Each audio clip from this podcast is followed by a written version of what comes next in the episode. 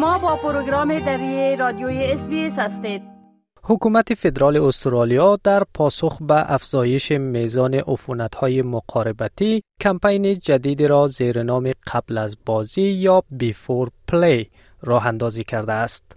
These two feel pretty stoked. Is it because they just had great sex? Or is it because they felt safe doing the best part by regularly doing the test part? Make STI testing your before play. تمرکز این کمپین بر یک چیز است. مقابله با شمار فزاینده بیماری های مقاربتی یا STI مانند کلامیدیا و سیفلیس در سراسر کشور. پیام های این کمپین در اپ های دوستیابی برجسته چون تیندر و گریندر ظاهر خواهند شد و در آنها از استرالیایی ها خواسته خواهد شد که خود را آزمایش کنند. بروس ویلیت یک دکتر عمومی است. او می‌گوید مردم ممکن است به بیماری های مقاربتی مبتلا باشند و ندانند که آلوده هستند. اما این بیماری ها به ویژه کلامیدی های فاقد علایم می تواند مشکلات قابل ملاحظه را به ویژه برای زنان ایجاد کند. او توصیه می کند که اگر احساس می کنید ممکن است در معرض خطر این بیماری ها باشید حتی اگر علایم ندارید آزمایش بدهید I think the first thing to be aware of with STIs is that um, often people have no symptoms at all. So really important to be aware of that. Particularly women can have STIs and the classical one is chlamydia without symptoms. And chlamydia can cause significant problems in terms of something called pelvic uh, inflammatory disease and, and affect uh, fertility down the track without causing symptoms at the time of the, uh, the initial in, infection. So really important to be aware of that and to, to consider getting tested if you feel that you may be at risk, even if you don't have symptoms. مارک بطلر وزیر صحت با راه اندازی کمپین قبل از بازی مردم را تشویق کرد که با انجام دادن آزمایش های منظم و مقاربت جنسی امین نقش خود را در مبارزه با شیوع این بیماری ها ایفا کنند.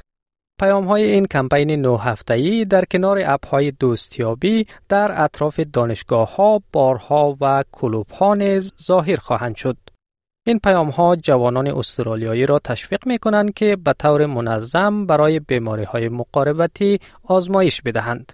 دکتر ویلت می گوید استرالیایی ها در قبال آزمایش دادن سهلنگاری می کنند و از خطرات این بیماری ها آگاهی کامل ندارند. به گفته او افرادی که شریک جنسی جدید دارند یا شرکای جنسی متعدد دارند یا مواد مخدر مصرف می کنند یا هم به کشورهای پرخطر سفر داشتند در معرض خطر این بیماری ها قرار دارند و خوب است که آزمایش بدهند. I do think we've got a little bit complacent around STIs. I think we, we kind of got the feeling that we had it beat and that, that they're, they're under control. Uh, and, I, and I think people are now uh, not as aware of the, the risks of them as they perhaps once were.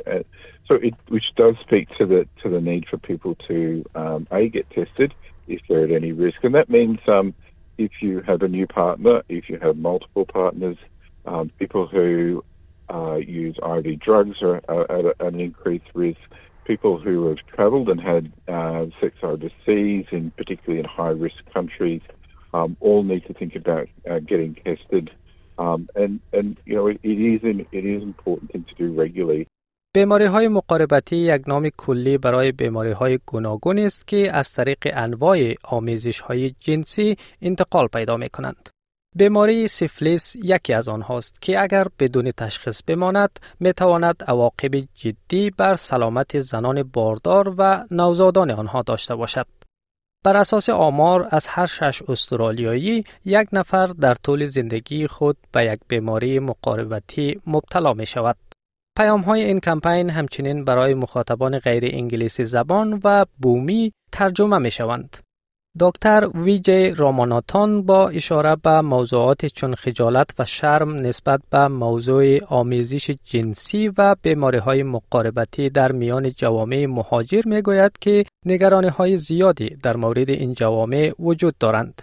There are many concerns, but the, the few concerns that I see for the migrant population is uh, to start with is embarrassment and shame, whether that's sort of, you know, to have an STI and being diagnosed with an STI and not knowing what's going to happen, whether that's going to be told to somebody else in the family, if they're all going and visiting a same GP or family doctor.